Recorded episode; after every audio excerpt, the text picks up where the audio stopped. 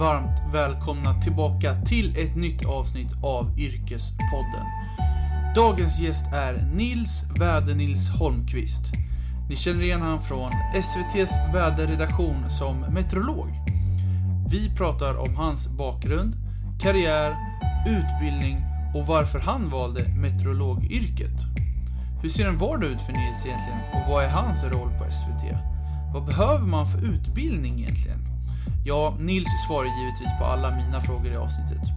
Vi pratar också om hans medverkan i programmet Expeditionen som gick på TV4, där några av Sveriges kändaste profiler ska bestiga berget Loboche Peak i Nepal.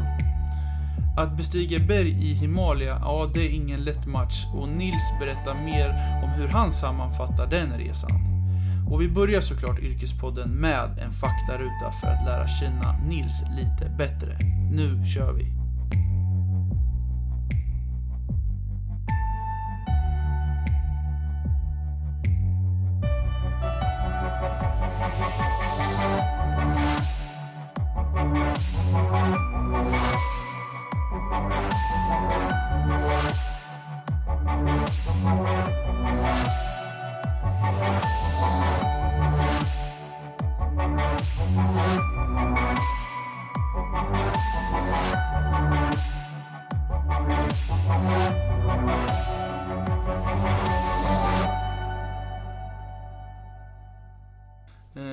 Välkommen till Yrkespodden Nils. Tack så mycket. Hur är läget? Jo, det är bra tack. Eh, det har varit en ganska lugn dag. Jag har jobbat eh, hemifrån. Hur själv förresten? Jo men det är bara bra. Eh, nu var ju vädret lite skumt idag. Det var både sol och det kom lite snö Mm. och Ja, vad kan det bero på egentligen? Ja, nu sa jag att jag jobbade, men jag jobbar hemifrån så jag kollar faktiskt inte på några väderkartor. Men det är väl vinden egentligen att har blåst norrifrån, så drar det ner väldigt kall luft. Och sen så när den här kalla luften blåser över vatten så bildas då såna här eh, bymoln. Det bildas snöbyar och eh, ja, så drar de in över land och så varierar det ganska mycket. Så blir det sol och sen så blir det moln och lite snö och så Mm? pågår det så. Ja, okej. Men du, eh, om vi börjar lite så här då. Vad, vad händer i ditt liv just nu? Just nu, just nu så, ja, Eh, jag har hängt lite på vinden idag, eh, kan jag säga. Jag ska renovera min vind. Ehm, så det är lite pulande med det. En elektriker hälsade på idag och imorgon kommer en sugbil. Annars är det en väldigt lugn arbetsvecka för jag kommer jobba väldigt mycket hemifrån. Så länge vi inte har sändningspass så ska vi inte vara på jobbet. Mm, jag förstår. Men du, för att lära känna dig lite, lite mer då, så har jag kokat ihop en faktaruta. Ja, börjar spännande. Mm. Så att eh, du får ju svara på de frågorna du vill. Ja, Men vi börjar i alla fall med eh, ålder. mm. 34, snart. Familj. Jag har en eh, fru som heter Julia och så har vi en katt tillsammans som heter Gösta. Eh, utbildning. Jag är meteorolog och ja, det var fyra år på universitetet. Jag har pluggat i Lund och Köpenhamn för att utbildningen var delad. Men den är inte det längre. Lön. Eh, Pass. Bor. Eh, Stora Essingen, precis flyttat ut dit. Mm. Eh, hobby. TV-spel. Vad lägger du pengar på? På min vind just nu känns det som. Det är dyrt att renovera. Det är jättedyrt att renovera. Allting kostar hur mycket som helst. Ehm, så det är väl det jag lägger pengar på. Ehm, mm. Annars har jag inga dyra intressen. Tycker inte om att resa. Så det påverkar mig inte så himla mycket eh, nu när det är coronautbrott och så. Ehm, nej, ganska billig drift tror jag. Mm. Eh, vilka språk talar du? Ehm, får jag lov att säga svenska? Ja, absolut. Men skånska, det är nästan så att den dämpar sig. Ja, ehm, engelska är väl okej. Eh, danska ganska bra förståelse i och med att jag pluggade där. Ehm, franska hör man ganska mycket på Stora Essingen, men jag förstår ingenting. Eh, tyska kan jag förstå lite, lite grann. Men eh, ja, det är väl det då. Mm. Eh, vad var ditt drömyrke när du var liten? Jag vet inte riktigt. Ett tag så ville jag bli optiker. Men... Nej, jag tror inte jag har haft ett riktigt drömyrke. Favoriträtt att äta? Kebab. Favoritklädesplagg? En mjuk skjorta som jag har på mig nu, till Mm. exempel. Den är vinröd, den är öppen och jag har en t-shirt under. Sen har jag ett par chinos och mjuka skor till det också. Mm. Låter trevligt. Du, eh, vad har du för favoritserie? Oh, det finns många bra såklart.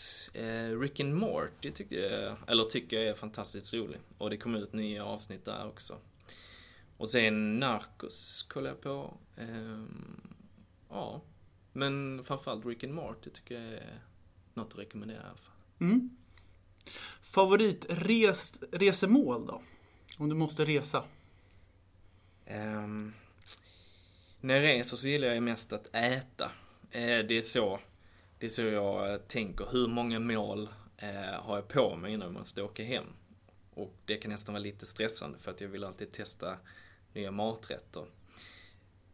Så till länder som har eh, god mat helt enkelt. Typ Italien verkar ju bra. Ja, min, eh, min fru är, eh, hennes far är från Italien. Så Mhm. vi har varit i Italien några gånger. Eh, så det är, det är toppen där.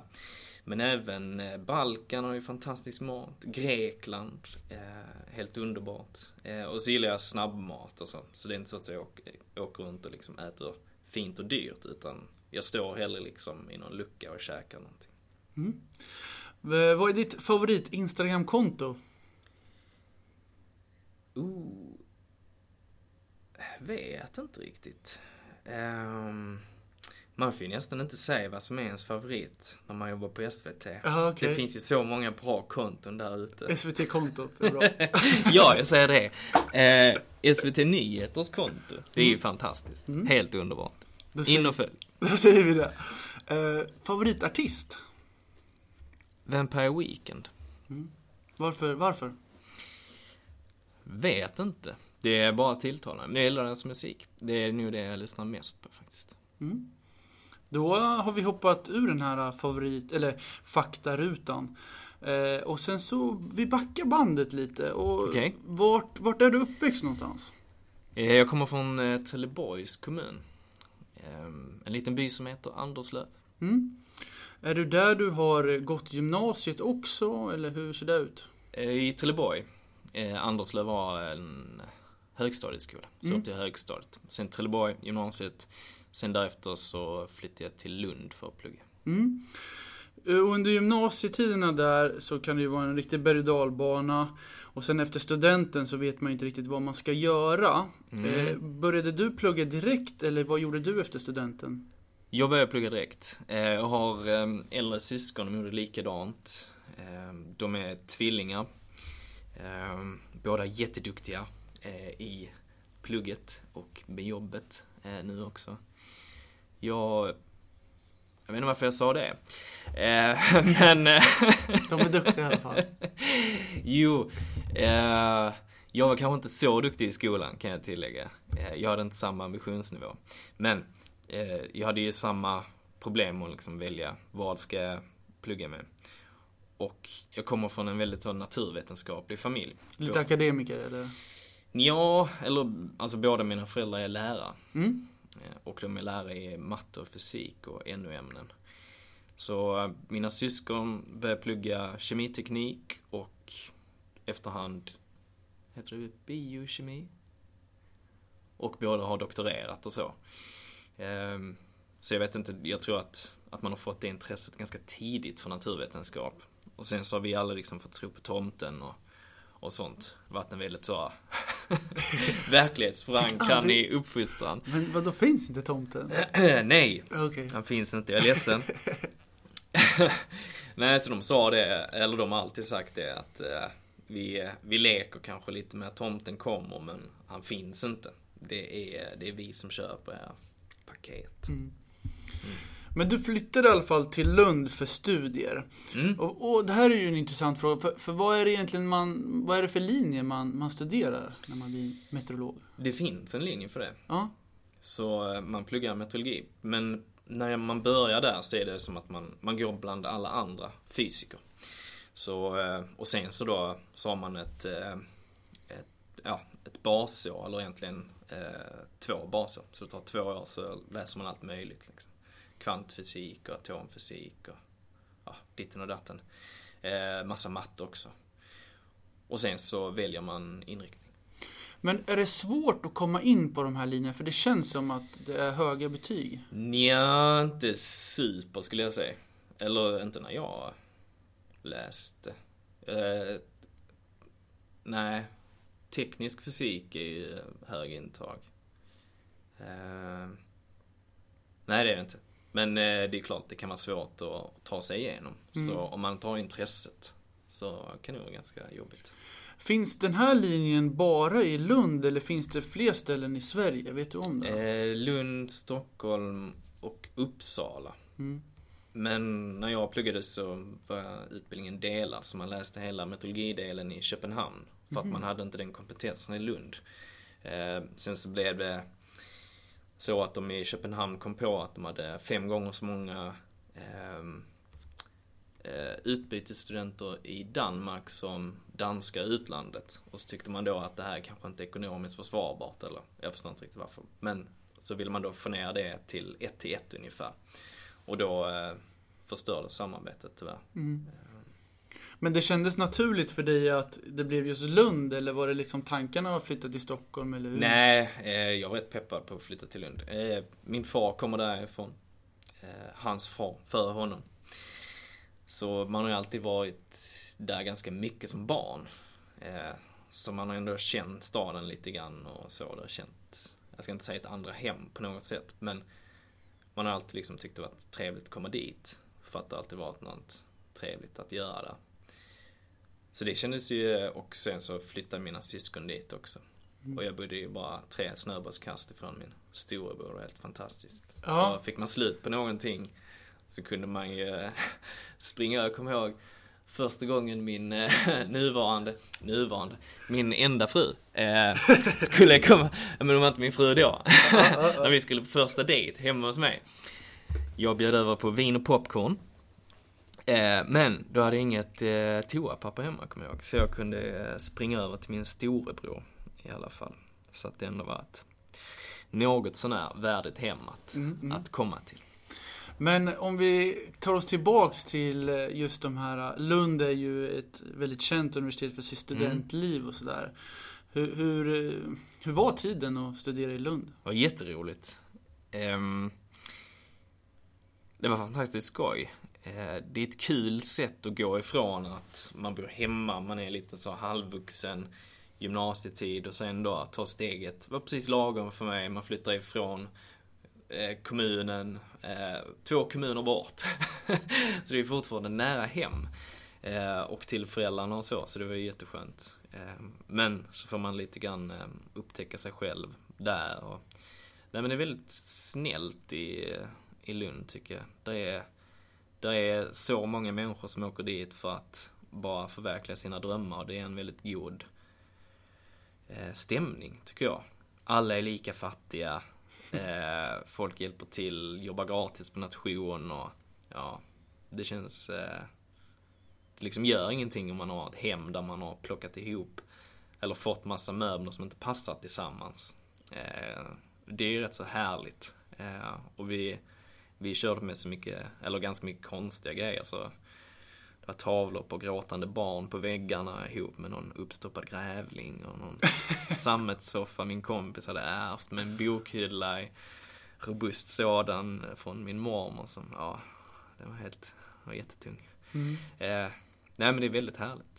Men eh, om vi går igenom lite linjen då. Eh, Mm. hur, hur, hur lång är den här utbildningen? Eh, då var den fyra år, för det var mitt i Bologna-processen. Okej. Där man, Bologna-processen är då eh, ett sätt att försöka göra alla utbildningar likvärdiga så att man kan eh, ja, göra det mätbart så att man kan söka jobb i hela Europa. Eller jag vet inte om det är hela, det är kanske mest bara Europa. Men i alla fall, eh, ja, så att utbildningar blir likvärdiga mellan olika länder Mm. också. Och därför så får man det här att man går tre eller fem år. Men vi som var mitt i den eh, processen, eller vad man säger, kunde välja då med att gå tre, fyra eller fem. Mhm. Och utbildningen var utformad för att gå fyra år. Så vi gick fyra år. Men nu så går man tre eller fem år. Så jag tror man blir prognosmeteorolog på tre år också. Okej. Mm. Mm. Det har utvecklats nu på senaste tiden då. Men du, du, du hade, vad sa du, halva var i Lund och halva var i Köpenhamn? Eller till att börja med var hela i Lund. Så vi läste först två år i Lund och sen så var resten av de två åren var i princip delade tror jag. Mm. Eller vi läste kanske lite mer i eh, Köpenhamn tror jag. Och det var en stor utmaning att läsa meteorologi på danska. Ni, ja, för jag tänkte precis, det var nästa fråga. Var det på danska eller engelska? Det var på väldigt snäll danska. Alltså Okej. jättesnälla föreläsare, duktiga och så. Och kunde säga, eh, ja men när det var siffror så kunde de säga på danska och sen på svenska. För vi pluggade med eh, de som skulle bli, alltså blivande danska meteorologer. Så det var också kul att man kom in Mm. annan. Och alla har, ja man har lite olika bakgrund och, och så har man haft. Och det menar jag utbildningsmässigt. Man är bra på olika grejer. Integrera eller, ja. De var väldigt duktiga på just eh, kemi, för de hade mer kemi i sin utbildning i Mm. grunden. Men eh, det är lite kul att ni skåningar är väl förstå danskarna lite bättre än... Ja, ma- man har ju kollat på en del eh, dansk TV Ja, såklart. Mm. Ja, eh, för det fick man ju in. Så det, då fick man i alla fall texten, men rätt svårt att läsa på danska tycker jag. Mm. Jag får inget flyt i det. Ja, jag förstår ingenting när jag har varit där. Alltså, Nej, det var en utmaning. Jag var lite skoltrött också. Det var den enda tentan jag har kuggat är när det var på danska och jag var så himla trött på att plugga. Mm. Ehm, det handlade om eh, iskappor och glaciers. Eh, glaciärer Ja, alltså. ja. De, eh, jag vet inte vad man säger, de har ju något band till Grönland som har ju massa forskning med det också. Mhm.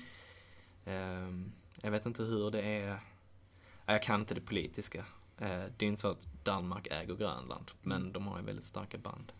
Men jag måste stoppa det där lite för att det kanske inte var helt självklart heller att just du, nu hoppar vi tillbaks igen, Mm. att du valde att just plugga meteorolog. För det blir ändå lite intressant. Va- Varför Ja, kommer det sig att Det är du... ganska smalt. Ja, hur kommer det sig att du valde just det? Eh, det var min mor som tipsade om det faktiskt. Hon kanske behövde en eh, meteorolog i familjen. Ja, Eh, vem vet? Men jag har alltid gillat eh, fysik och matte. Det är de ämnen jag är duktig på, det är de jag tycker är roligast. Eh, och sen så tänkte jag aldrig att man skulle kunna vara meteorolog, även om varje nyhetssändning avslutas med just en väderprognos. Så eh, var det aldrig liksom en, en målbild att det skulle kunna vara jag. Eh, och sen så tänker man kanske inte på att meteorologi är mest matte och fysik. Eh, och det visste ju inte jag då, när jag var ung och dum. eh, men sen så, eh, nej, men det är ett väldigt trevligt ämne. Det är inte så att jag sitter och räknar och löser ekvationer på jobb. Mm. Utan det är lite mer som en sport att lista ut vilket väder det ska bli. Mm. Men när du var klar med just utbildningen då, eh, fick Mm. du jobb direkt och sökte inte du jobb? direkt direkt. Nej. Utan eh, det dröjde några månader. Så jag fick inte de första jobben jag sökte. Eh, Då var jag ju kanske, tänkte jag kanske att jag skulle jobba på DMI. Alltså danska SMHI.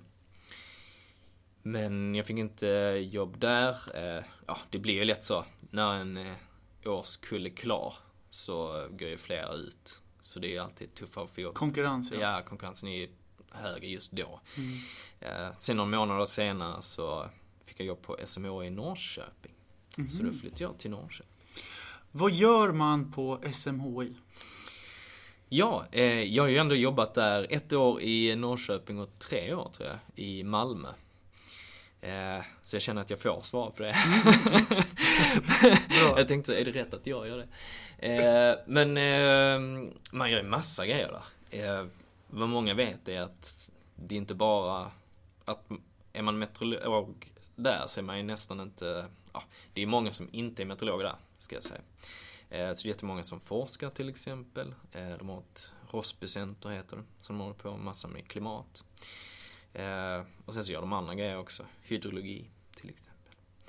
Ehm, men är man prognosmeteorolog så jobbar man på olika avdelningar, eller det var i alla fall så. Så man kan jobba mot flyget till exempel.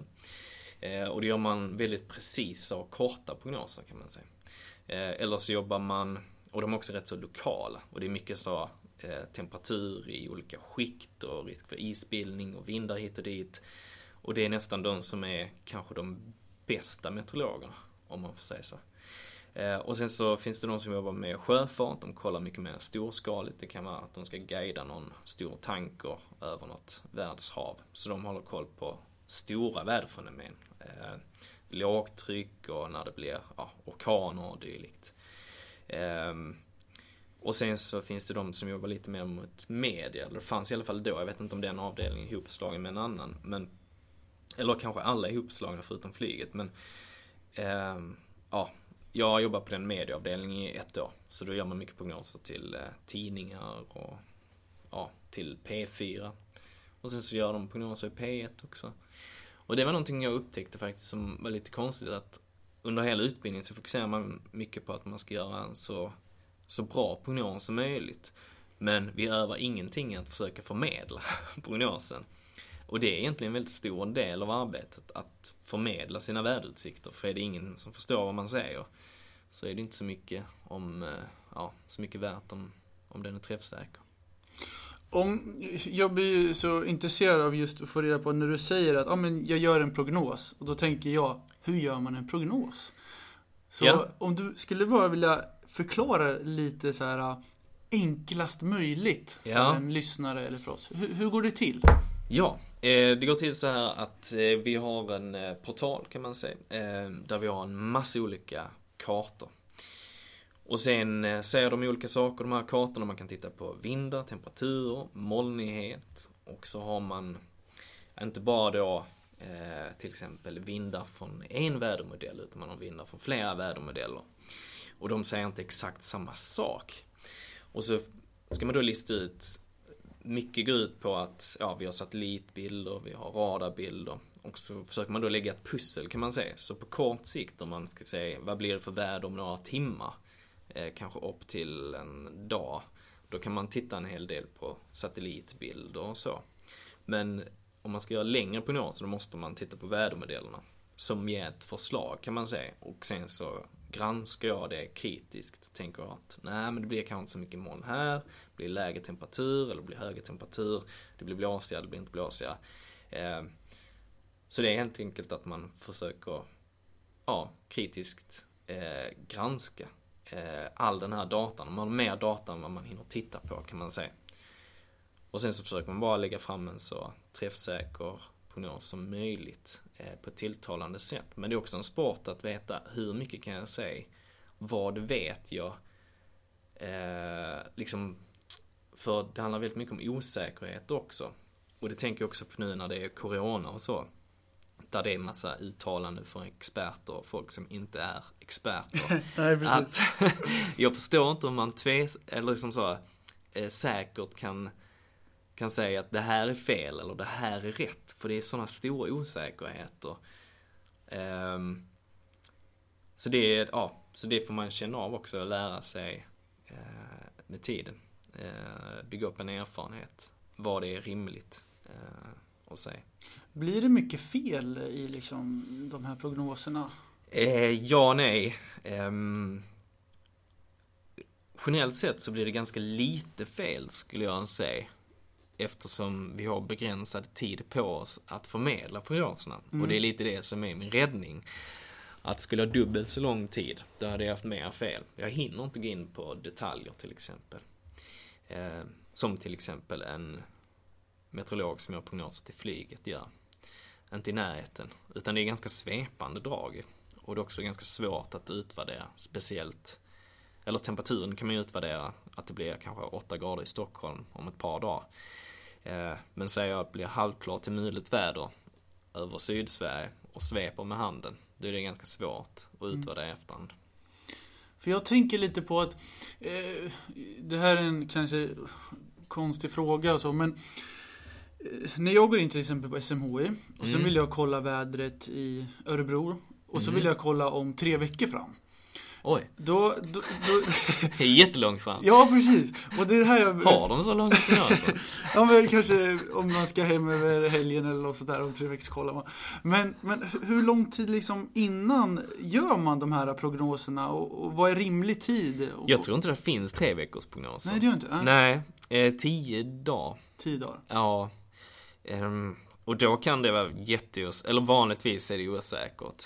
Ehm, och jag skulle rekommendera att man kanske inte tittar just på punktprognoser som är vad blir det i Örebro om tio dagar. Mm. Utan då försöka titta på en karta där man kan se vad händer runt om Örebro. Och då är det inte bara så, vad händer i grannbyn? Utan vad händer i Skandinavien? Mm. Så det är ju så man får beskriva vädret längre fram också. Imorgon ska vi säga, det blir det här vädret i Örebro. Och sen nästa dag så får man kanske då gå ut lite grann i, eh, i eh, ja, skala helt enkelt. Sist pratar man liksom om norra Europa. Mm. Eh, eller så.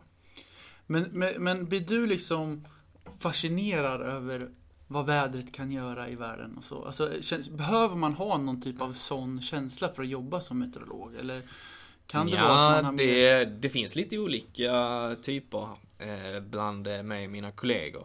Eh, alla är olika intresserade av väder egentligen. Där finns de som är supernördiga och gillar mycket statistik och rekord hit och dit. Och, ehm, sen så, ja, jag är, uppskattar ju väder. jag tycker det är jättetrevligt. Mm. Eh, blickar mycket upp mot himlen och så. Eh, och eh, gillar att ligga och titta på molnen på sommaren. Mm. Men jag är nog ingen sån super super väder. Alltså jag har ju större intresse än, än väder. Absolut. Spännande ändå. Detta var del 1 av 2 med Nils Väder-Nils Holmqvist i Yrkespodden. Nästa avsnitt kommer ut den 27 april.